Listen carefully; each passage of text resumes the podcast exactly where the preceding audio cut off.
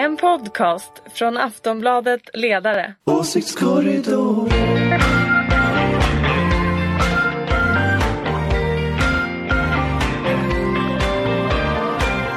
Välkomna till Åsiktskorridoren. Det var ju länge sedan vi ber om ursäkt. Jag heter Fredrik Virtanen. Vi har även Daniel Svedin här. Hej. Och Anders Lindberg från Aftonbladets ledarredaktion. Framförallt har vi Sara Skyttedal här. Hej! Välkommen! Tack. För Ulrika Schenström är eh, eh, borta den här gången. Jag är vikarie. Du är vikarie Mm. och du är ju, om vi ska presentera dig, så, ja du är ju du som egenhändigt välte decemberöverenskommelsen. Ja, eh, det är ju ändå så att mitt parti då, Kristdemokraterna, styrs demokratiskt. Så att det var några till som också röstade du. för det. Sen kom jag. Eh, men, Ja, men det var ju ungdomsförbundet som la upp den bollen, eller hur? ja, men vi, eh, vi ledde tåget. mm, och du var ordförande då? Det var jag. Man kan säga att den regeringskris eh, bland oppositionen som vi ser, för nu ser vi liksom en regeringskris på oppositionssidan vilket är rätt märkligt när man ändå är i opposition, att man lyckas med det. Den har ju liksom du lite skapat. Nej, nej, nej. Jag har, en helt annan här. jag har en helt annan teori. Vi får nog skäl att återkomma till den.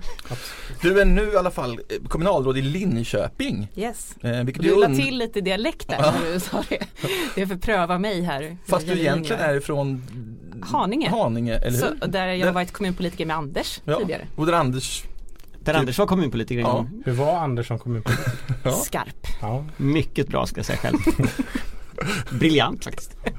ja ja, men det är jättekul att du kunde komma. Eh, Det och var äv- även Sara faktiskt på den tiden. Det var roligare förr faktiskt. Där. Allt var ju roligare förr och bättre förr. Vi brukar ju eh, nästan alltid prata om vad Peter Hultqvist har gjort senast, om ett litet stående skämt. Men nu har han varit i centrum av, ja, i hjärtat av eh, splittringen i alliansen kan man väl säga. För till slut slutade det med att Liberalerna, framförallt Centern, inte var med på den här misstroendeförklaringen. Och det här tycker du är tråkigt gissar jag Sara Skyttedal. Tråkigt. Mm. Det var ju oerhört jämnt i den eh, omröstningen som ju ser ut att kunnat slutat lite annorlunda om det bara var lite andra. Förutom att de hade behövt 40 röster till för att välta honom då. Ja men ja Det hade absolut. kunnat blivit en Men, eh, relativ majoritet för att inte avsätta honom. ja det hade ändå varit lite intressant tycker jag. Men eh, jag tycker det är tråkigt. Jag tycker det är intressant att ändå eh, Liberalernas försvarspolitiska talesperson Allan Widman eh, röstade för. Eh, säger en del om att det ändå är lite olika tongångar men jag tycker att det är ganska intressant att eh, det är de partierna, alltså det, det är lite tecken på hur partierna styrs av liksom opinionen. Liksom. Det är de två partier där det liksom fanns minst stöd bland väljarna enligt alla opinionsmätningar som av, av en händelse också liksom ändrar, eh, ändrar sig till att inte vilja stå bakom det här. Daniel, vad- finns Alliansen längre eller har vi sett, ser vi ett nytt block här nu med SD, KD och M? Ja, Nej, men jag tycker nog att Alliansen har varit liksom, Alliansen är ju en, ett svar egentligen på en politisk situation som den såg ut 2006. Alltså hur ska vi eh, välta Socialdemokraterna? Och Alliansen har ju liksom inte uppdaterat eh, sig till en politisk situation som den ser ut idag. Det får man ändå ge Kristdemokraterna och Moderaterna att de har försökt tänka sig att okej, vi har det här eh, Sverigedemokratiska partiet som vi kanske kan räkna in på något sätt eh, i kartan. Men det vill ju inte stora delar av eh, den här borgerliga koalitionen. Eh, så att jag tycker att alliansen inte finns i och med att den politiska situationen inte finns. Alltså man Man har ju framförallt inte kommit på vad, vad alliansens mål är. Det finns ju någon form av liksom grundläggande samarbete och det finns liksom en värdegemenskap. Den är nog likadan som, men man har inte klart för sig vad som är, som du säger så är det ju ändå så här, man hade, det var att bryta maktdominansen för S. Mm. Eh, och just nu så är man ju inte överens om vad som är viktigast. Eh, och framförallt så är inte det viktigast att själv sitta vid makten och regera. Eh, Mm. Och vilket projekt det nu ska vara man samlas kring. Precis. Nej, men det är väl också det med, med, eh, med Reinfeldt-åren eller liksom Liksom, det som ledde till regeringsskiftet att det finns en massa eh, politik som man faktiskt eh, rullade ut gemensamt och som väljarna tyckte var bra. Nu finns det ju ingen gemensam politik annat än att vila på eh, det som redan har genom, genomförts. Igår stod en massa borgerliga politiker i eh, riksdagen och klagade på att det inte kommer några strukturreformer. Men man har ju ingenting själv heller som är eh, strukturreform. Det finns liksom inga nya, något som motsvarar jobbskatteavdragen i den Fast vad är alliansen mer än att man tycker väldigt illa om sossar? Alltså vad, vad är alliansen egentligen i den, i, alltså det, det, det på något sätt som fenomen? Och det där har inte jag liksom det har man gemensamt med SD att man gillar sossar men SD är ju också antiliberala. Alliansen Att man är ju sossar liberal. va? Att man ogillar Ja, sossar. Men alltså SD, SD är ju också antiliberala. Och det är ju någonstans en större konfliktlinje i liksom världspolitiken idag mellan någon slags auktoritär nationalism och liberal demokrati ändå. Där alliansen hamnar, eller där KD och M på något sätt hamnar på fel sida i den konflikten. Ehm, så på ett sätt så kan man säga att efter Hultqvist-voteringen så finns det någon slags blå, blåbrunt block ändå i, i, som aldrig har funnits förut i svensk politik. Eh, I en, någonting som ändå liknar en regeringsfråga. Ehm, så, så det, det är ändå någonting helt nytt. Men alltså någonstans i alla, i, om man ska blicka ut lite grann så i alla västerländska demokratier så består liksom alternativet vid sidan av socialdemokratin av någon form av bredare liberal konservativ liksom alternativ. Och någonstans så vi har ju vårt parlamentariska system i Sverige som gör att vi har väldigt många partier och de här fyra är ändå liksom ganska liksom motsvarande andra länders liksom stora partier liksom, eh, som CDU och FDP. Alltså det finns i Tyskland då till exempel så finns det ju ofta den här liksom, det här stora eh, liksom, idémässiga alternativet och det, det har ju funnits en, en, en liksom, ett rimligt äktenskap mellan liksom, någon form av liberal idéströmning och konservativ och kristdemokratisk idéströmning som funkar. Eh, och det är klart att den blir utmanad av andra liksom, konfliktytor men den är ju inte irrelevant för framtiden. Liksom.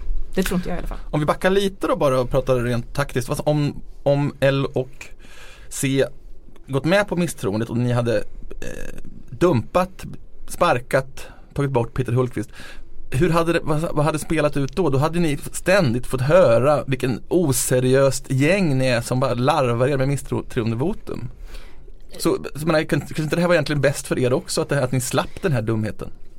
Eller oss, jag försöker ju Rent- vara på Ulrikas Alltså sida. rent taktiskt så Du lyckas skitbra med det. rent taktiskt så håller jag med dig eftersom det uppenbart är så att Alliansen tappade den pedagogiska utmaningen förklara varför man tyckte att Peter Hultqvist hade förlorat eh, förtroendet att sitta kvar på sin post.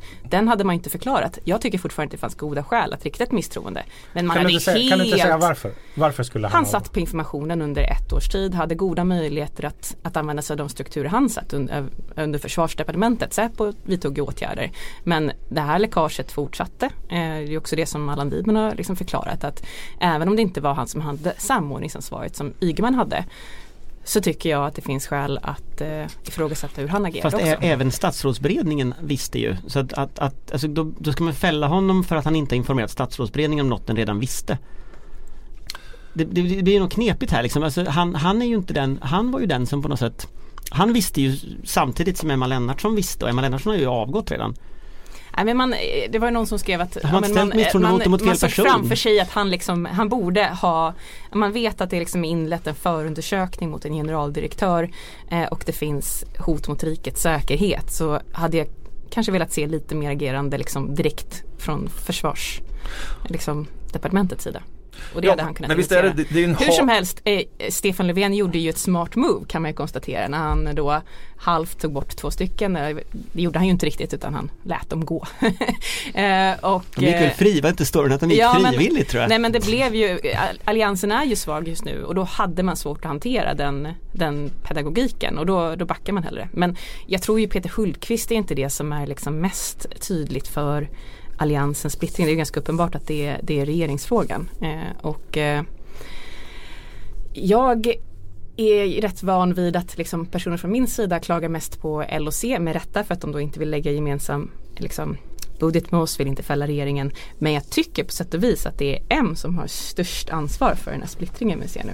Jag tycker det är extremt anmärkningsvärt att man, eh, att Anna Kinberg Batra liksom meddelar sina allianskollegor att hon är beredd att fälla regeringen via ett sms dagen innan hon ska säga det till media. När det är ett ämne som har tagits upp på varje partiledaröverläggning under ett års tid. Det var- Hon har haft en helt annan linje. Det är ett sätt att hantera kommunikationen med sina samarbetspartner som är, såklart river upp allt förtroende och tillit. Det var det som hände, hände i januari, eh, Exakt. eller hur?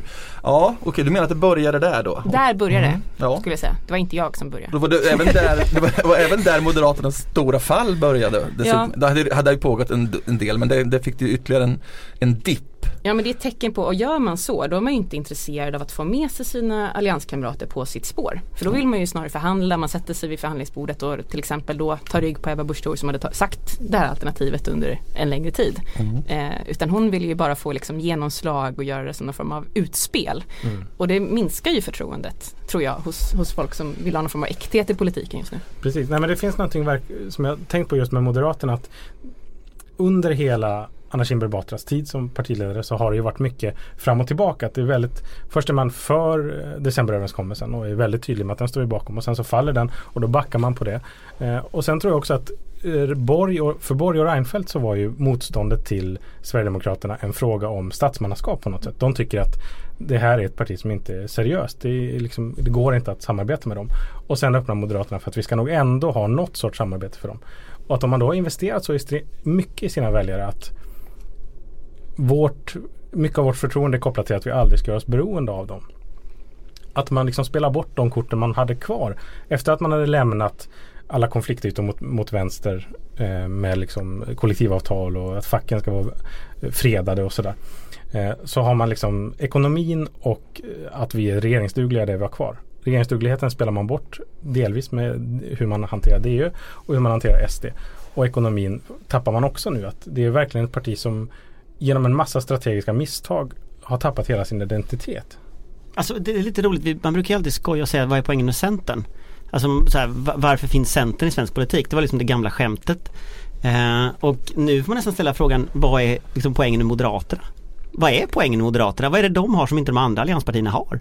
Ja, det, de har ju en sak väldigt uppenbart. De har ett, ett, de är ett parti som styrs som ett aktiebolag eh, och kan liksom eh, utifrån liksom att de har läst så här, kundundersökningar helt förändra liksom, affärsidén för att liksom som hade läst, de hade läst, de hade, de hade läst undersökningarna lite dåligt va? Ja fast jag tror att det handlade om att man hade ett underlag som visade att det här var något som deras väljare ville ha som, som gjorde att de ändrade åsikt om alla de här sakerna. Vilka väljare Det är undrar en man? triangulering liksom fram och tillbaka eh, som saknades lika. Och det, det tror jag är ett större problem att man just gör det. Att man inte uppfattar att någon är äkta. Att inte Anders Kinberg Batra faktiskt ville samarbeta med Sverigedemokraterna. Att det var liksom bara det var bara ett spel. Det var ett större problem. Förtroende liksom kapitalet var så lågt var ett större problem snarare än att man faktiskt gjorde utspelet för, för vissa av väljarna. För jag, jag, jag tror ju någonstans, alltså, man träffar Anna Kinberg Batra, hon är oerhört trevlig, oerhört rolig, oerhört bra på alla sätt och vis. Och sen så ser man henne i TV så liksom, det är en helt annan person. Alltså, Hon är jättetrevlig och Ja, så, så, vad, vad är det som. Ja, händer vet liksom? Alltså, och nu är hon ju borta i och med nästa söndag då, så Ja. nu är det Ulf Kristersson Min känsla är att Ulf Kristersson det är liksom Anna Kinberg Batra fast utan humor. Mm. Han är inte rolig överhuvudtaget. Alltså hon är ju, hon är, ja men hon vad, vad sa du? Anna Kinberg Batra utan humor? Ja men alltså det är han, inte roligt. Nej det är det är faktiskt inte roligt. Om, Men- Du talar om hennes offentliga persona då? då. Eh, Och Ja, fast- men den- även, även, hennes offentliga, nu ska jag försvara, det är lite hopplöst att försvara henne nu när hon har avgått men alltså Om man ska försvara henne lite, hon var faktiskt, hon, hon hade glimten i ögat rätt ofta eh, Även om det var så att det liksom, det funkade inte i tv-kameran och sådär Han verkar ju, om, såg, hon, såg ni honom igår? Mm. Jag hörde Alltså han såg rasande. lidande ut i tio minuter. Han såg ut som att han liksom ville bita folk som var framför honom. Var någonstans? Det var någon Ja, riksdagsdebatt om en budget igår. Jo. ja, men jag, jag lyssnade på det, han var rasande, hörde jag. Han var rasande över elcyklar bland annat. Jag tänkte på hur bra vi har det. Elcyklar. Ja, elcyklar, han var tydligen skit, jättemod. Det var droppen Han var mycket som arg, fick, han var mycket arg på elcyklar. Mm, det var droppen som fick bägaren rinna över. Och det är liksom. Ja just det, bäversafari. Det orkar inte ens gå. Men elcyklarna var fruktansvärt. Och då tänkte jag ändå hur bra vi har det här faktiskt. Om det är elcyklar som är så fruktansvärt provocerande. Ja, men det är Vi väl ska för att alla borgerliga partier tycker att bar, höjt barnbidrag och sänkt pensionärsskatt de kommer inte riva upp det i sina skuggbudgetar och då måste de hitta någonting som de är Då jättearga blev på. det elcyklar. Precis, och det kostar kanske två miljoner eller. Jag tyckte Men- den roligaste igår annars var han Forssmed när han pratade om sitt blodomlopp där. Att det var liksom, det var för mycket socker Ja, och men- sockret rann ut och blodet rann ut och allt vad det var. Det var många olika liknelser igår. Det var liksom, Det var, det var hela Hur talet liksom. funkar det där egentligen Sara? Sitter nu, ni innan och planerar, kommer på lite roliga metaforer för att, för att, för att kläm, klämma ur er känner jag eller? vet inte. För det var ju så uppenbart. eh, Det är väl återigen någon eh, En opinionsmätning som någon har kommit fram till att folk kan relatera. De vill att de pratar om blodomlopp. Ja, Med, med socker. Ja, folk Med kan inte höra diabetes. rationella argument och titta på staplar. De måste få en liknelse. Vi ska Det tala om budgeten snart. Jag tycker vi, vi måste hålla fast vid den här splittringen. För det är ju så här, oavsett vad du säger om Moderaterna, så L och C kommer ju aldrig någonsin släppa SD över bron. Nej, men Det får man jag, väl lita på ändå. jag tycker det är intressant är att Centerpartiet ger ju besked om att man absolut inte kan tänka sig att regera med, eh, med S. Man kan absolut inte tänka sig att eh, ha ett regeringsunderlag med, med SD. Så någonstans måste man ju tolka detta om då inte Alliansen får egen majoritet. Det vore ju trevligt. Eh, Men att man, är, man, man tänker sätta sig i opposition oavsett. Och det, Fast- det är ju så här, då måste man ju tolka det som att det är, det är viktigare det finns ganska många saker som är viktigare för Centerpartiet än att få genomslag för sin politik. Att Ganska Annie Lööf blev första statsministern. Första Ja men med vem? Hon vill ju inte samarbeta med, Ja, med Socialdemokraterna heller. Valet 22. Då har Absolut, men vilka ska det vara då? Så här var ju Miljöpartiet, de var ju helt knasiga när det gick som, som, som sämst för Socialdemokraterna. Då hade ju de så här planer om vad, vad som ska hända på 2040-talet. För då ska... eh, Skulle inte han Gustaf Fridolin vara största partiet Jo, tag? Han precis. inte på Och Maria Wetterstrand skulle ihåg. komma tillbaka som någon sorts eh, drottning från eh, urskogen och liksom bara så, svepa bort Mm. hela, eh, alla marginalväljare skulle kasta sig i famnen på. Nej, jag tror att Centerpartiet har pikat för tidigt. Jag tror att de eh, kommer få svårt att hantera några av de här frågorna för att det, det är några besked som man inte ger utan man liksom kommer undan med att säga pass vi vill inte vara med någon. Fast hon är väldigt bra. Alltså, alltså, jag men hon är trovärdig i förhållande Ja, till många men- andra men samtidigt tycker jag inte att hennes svar är trovärdigt. Hon, ger en, hon är konsekvent och ger ett liksom Men vems svar är trovärdigt i- när det gäller regeringsfrågan just nu? Så här spontant. Vilket partisvar ska jag ge? Nej, men, eh. Nej men jag tycker, jag tycker faktiskt att det är ett problem att vi har liksom, vi går in i en valrörelse där alla ska få egen majoritet och liksom, medan Stefan Löfvens svar är väl det som jag tycker är mest trovärdigt att han säger att vi ska ha en blocköverskridande regering. Det är väl liksom det som ligger närmast. Men hur ska den se ut? Vilka ska ingå i den? De Ingen- andra vill ju inte ingå i den. Ingen vill ju vara med i den. Så att Nej, så alla har liksom, det är trovärdigt. nej men det är i alla fall en teoretisk idé som, som på något sätt är möjlig. Jimmy Åkesson ska... Ja, men det är ju, alltså Moderaterna och Kristdemokraternas idé är ju mer än liksom, teoretiskt möjligt. Millions of people have lost weight with personalized plans from Noom, like Evan, who can't stand salads and still lost 50 pounds. Salads, generally, for most people, are the easy button, right? For me, that wasn't an option. I never really was a salad guy. That's just not who I am. But Noom worked for me. Get your personalized plan today at Noom.com. Real Noom user compensated to provide their story. In four weeks, the typical Noom user can expect to lose one to two pounds per week. Individual results may vary. också. Men den Att, att ju- och L ska ändra sig och... eh, Nej men ja, men det är samma som Stefan Löfvens att det går ju att ta ett sånt regeringsunderlag. Alliansen kan regera redan idag om man hade varit enad om att, Samarbete med Sverigedemokraterna ja. Att, ha, att vara beredd att eh, ha ett passivt stöd av ett parti i riksdagen är inte riktigt samma sak. Men det, fin- det, finns, det finns ju en fråga och det är liksom hur mycket kan man liksom ge ett Sverigedemokraterna i en sån Även om de är passiva. De måste väl ha någonting. Det säger ju Jimmy Åkesson. Han har gett lite olika besked så det är svårt att veta vilket ju såklart försvårar det. Och oavsett vad man väljer för regeringsalternativ så tror jag inte det kommer vara så lätt i Nej. dagens parlamentariska landskap. Det tror jag man ska vara ärlig med att säga. Men eh, det är uppenbart att Alliansen styrde i minoritet redan eh, förra valet. Det krävdes att man att liksom de rödgröna och SD hade samma agenda för att man skulle eh, Ja men det var ju för att. Alliansen var större Ja precis. Men, men likväl så, så tror jag att det eh, under den här mandatperioden hade varit eh, ganska lätt att kunna gå fram med en gemensam budget och eh, inte så att säga har några regelrätta förhandlingar med Sverigedemokraterna. Vad som händer framöver däremot blir ju lite knivigare. Fast alltså tittar man internationellt så det finns ju inga exempel någonstans som jag har sett där högerextrema partier har backat upp andra partier i regering utan att få något tillbaka.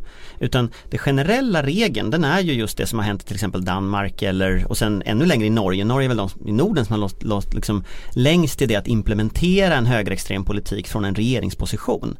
Ehm, och och, och det, det är ju på något sätt att det första steget är att konservativa partier samarbetar med de här. Nästa steg är att de här faktiskt får inflytande i politiken. Och sen vet Och vi sen inte har vi förintelsen. Nej, jag vet inte om vi har förintelsen Nej, sen. Det verkar här- vi inte ha i Norge. Den, det, men, men däremot så tror jag nog att att vi kommer att ha mot romer till exempel i Norge. Det, det är ju en effekt av den här politiken. Eller eller deras flyktingpolitik i Norge är ju en effekt av att Fremskrittspartiet driver det. Och tittar vi i Danmark så ser vi väldigt tydligt att flyktingpolitiken har påverkats av Dansk Folkeparti. Finland tog väl inte emot några flyktingar innan heller så att där vet man inte vad, ja det är, det är ett väldigt annat politiskt läge liksom. Ja och där går det ju jättedåligt för eh, ja, Kanske ändå ska samhällen, understryka liksom. att Men- Fremskrittspartiet inte eh, har naziströtter. Det är ju också Nej det är ju ganska olika typer Nej det av har ju partier på ingen av de här tre alltså. Nej. Nej, så att de är ju, alltså i rent praktisk politik så skiljer de sig också ibland åt andra hållet. Eh, men eh, också så här på höger-vänster-skalan så är det lite mer liksom otydligt. Fremskrittspartiet är ju ett väl, är ju liksom de som typ vill sänka skatterna mest i Norge medan liksom eh, Sverigedemokraterna säger att man är beredd att fälla då alliansen om man försöker sänka skatterna för mycket. Så att de, de skiljer sig åt på, på många sätt.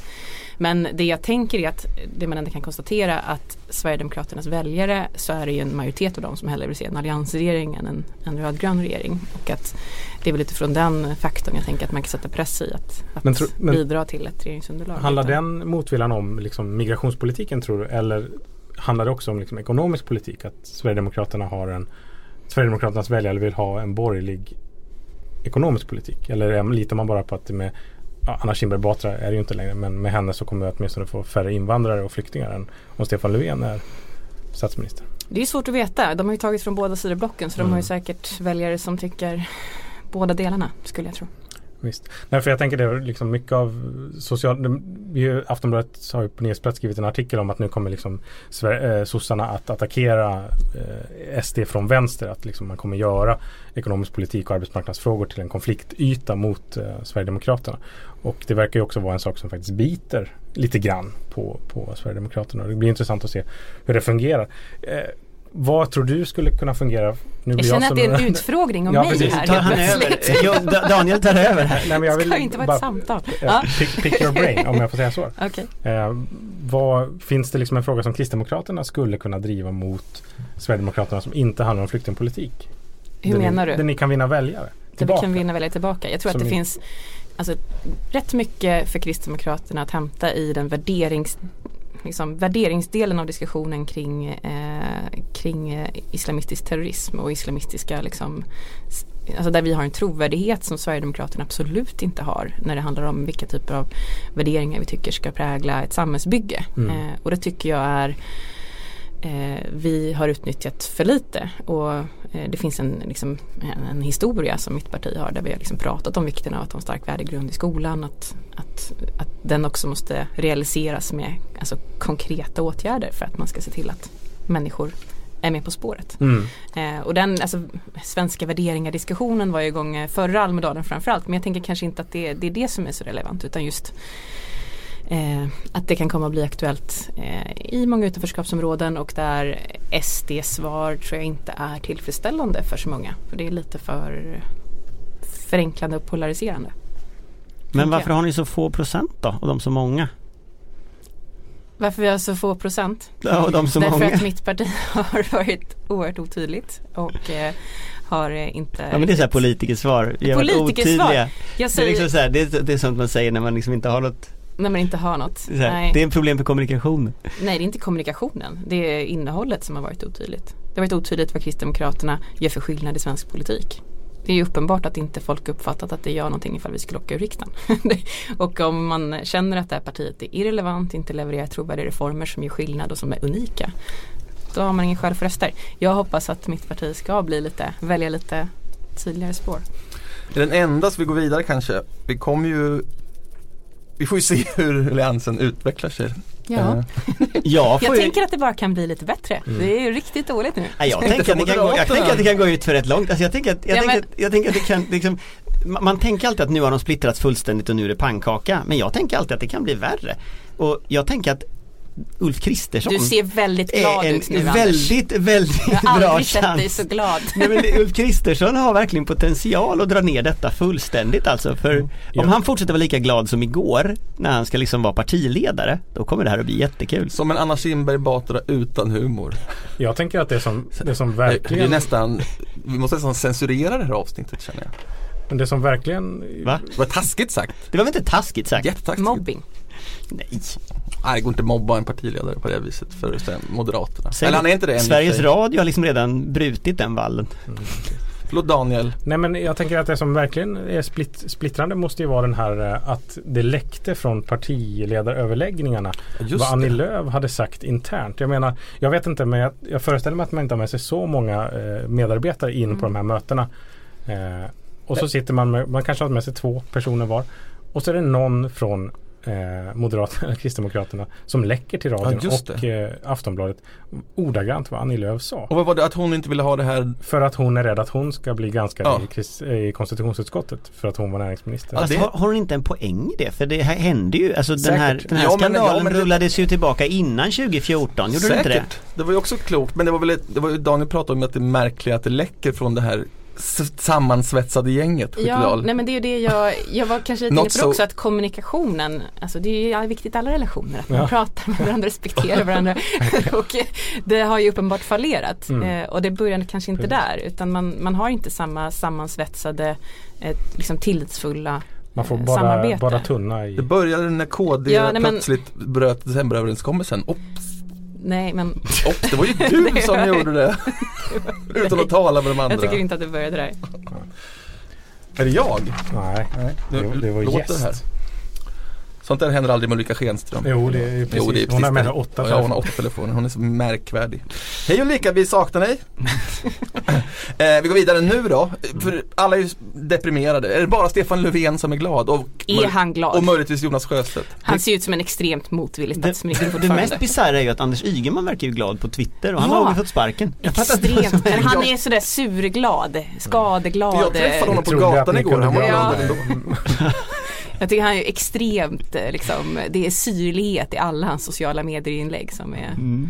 Är det Ja, vackert på något sätt? Det är som Ygeman när riktigt, Ygeman var förr Det är väl liksom. gyllene tider för Stefan Löfven nu, sen får du säga vad, om hans persona, hur han framstår. Men han, han strösslar pengar över barnen, pensionärerna, i- och- Elcyklarna. Elcyklarna. Elcyklarna. och bävernylonet eller vad det var. Eh, Elcyklar är faktiskt den senaste striden vi hade i, i min kommun i Är Linköping i mot- tisdag. Ja, mot elcyklar. Men Linköping är ju en cyklande stad. Ja men elcyklar. Det är väl jättebra för oss som inte orkar trampa. Nej men eh, det var, vi skulle lägga 40 miljoner på att köpa in 200 elcyklar. Jag tyckte det var ganska dyrt per, per cykel. Ja, det, ja, det låter ju Mm. dyrt å andra sidan. Eh, men ni verkar hata elcyklar på Det borgerliga är den sidan. stora ideologiska konfliktlinjen i Ja, svensk politik. ja, det verkar ju så. Vi mår bra i Sverige. Ja, ja vi bor väldigt bra då. Men, eh, jo men, ha, hallå, ja han kan ge ett valfläskbudget här nu. Han ger ju allt till alla. Ja det är extremt expansivt och ja, det har ju varit Ja, då- olika liknelser för att eh, liksom eh, poängtera Blodomloppet som rinner ut. Ja, just Men får jag fråga en sak bara, det här idén att det är valfläsk ett år innan valet. N- när jag var liten så betydde ordet valfläsk något man sa i valrörelsen som man lovade sen. Inte något man liksom gör under Som man faktiskt mandatperioden. levererar. Som man faktiskt gör. Nej. Alltså har ordet liksom ändrat betydelse? Det var jag som slarvigt Nej, sa alla valfläsk. sa det igår. Samtidigt så har man ju, för, anledningen till att man säger sig ha reformutrymme är för att man då inte har levererat de reformer som man hade tidigare. Därifrån de här 40 miljarderna Jo men det är intressant att kommer ändå ifrån, val, för att man inte valfläsk har var ju liksom sina tidigare. vallöften som var fläskiga, flä- tillfläskade liksom. Nu är det så här saker du gjorde Ja, ja, men släpp det nu. Stefan Löfven måste väl ändå, han ser ju sönderfallande eh, från mitt i centern till ut till ytterkanthögen och han själv eh, går sakta upp i opinionen. Han ger saker till alla. Igår träffade Eh, det går hyfsat bra för Miljöpartiet, Ja, de är i alla det- fall över spärren. Jag Ibland. menar, jämfört med alla andra. det går inte hyfsat bra för Miljöpartiet, det, var, det måste jag ändå Det går bättre än de förtjänar. Som miljöpartist tycker jag det var otrevligt sagt. Nej men de är i alla fall, de har- låg ju nedanför 4% ändå, nu är de i alla fall sig över Fast jag frågar en sak om Miljöpartiet. Är post. det någon av er som har sett Gustav Fridolin under hela budgetdebatten? Alltså skolan är det område som de satsar 10 miljarder på skolan. Det är typ mest av alla områden. Och Gustav Fridolin har inte synts till. De som har dykt upp är så Vänsterpartiet som har reformer i så här 370 miljoners klassen som de dyker upp med som inte kostar ens, ja de- kostar 370 miljoner men det är inte särskilt mycket pengar jämfört med liksom allt som satsas på skolan. Och Gustav Fridolin syns inte till. Ett av profilområdena är klimatet. De syns inte till där heller. Jag Alltså- tror att de har dragit slutsatsen att det är bäst för dem att inte låta det synas att de är med i den här regeringen. Det är uppenbart så att de har gjort någon form av analys. Att liksom det här var inte bra. Folk ska inte tro att vi är med. Det här är en S-regering. Vi är kanske i opposition. Ja men de har ju försvunnit helt. Det är ju Ja. Vänsterpartiet ser ut som att de är med i regeringen. Miljöpartiet ser ut som att de inte finns. Nu glömmer du elcyklarna här igen. Ja, förlåt mig, det var Det måste elcyklar. väl vara ett MP? Det är absolut en eftergift. Ja det måste vara MP. Det var det som var eftergift. Det är, en- ja men så var det i, i min kommun så var det inte ens, det var, det, vi har ju MP och S och Liberalerna Mm. och då var det, det var bara MP som yrkade bifall till det här förslaget om elcyklar medan S satt extremt tysta. Jag visste inte ens att, S, att detta var en fråga om elcyklar men det, uppenbarligen det finns en fråga om elcyklar och det var alltså eftergiften 2017 till Miljöpartiet. Mm. Det är well played Stefan Löfven alltså. Well played. Jo men det var ju alltså en stor debatt i riksdagen igår, då pratade de om det här. Mm, ja, jag noterar den. Jaha, men ja, samtidigt så hotar Donald Trump att förstöra hela Nordkorea. Så vi kanske inte kommer ha några problem alls ens med elcyklar i det här landet. Hör ni hans tal i FN? Ja, Eller ni läste jag hörde det hans tal i. FN.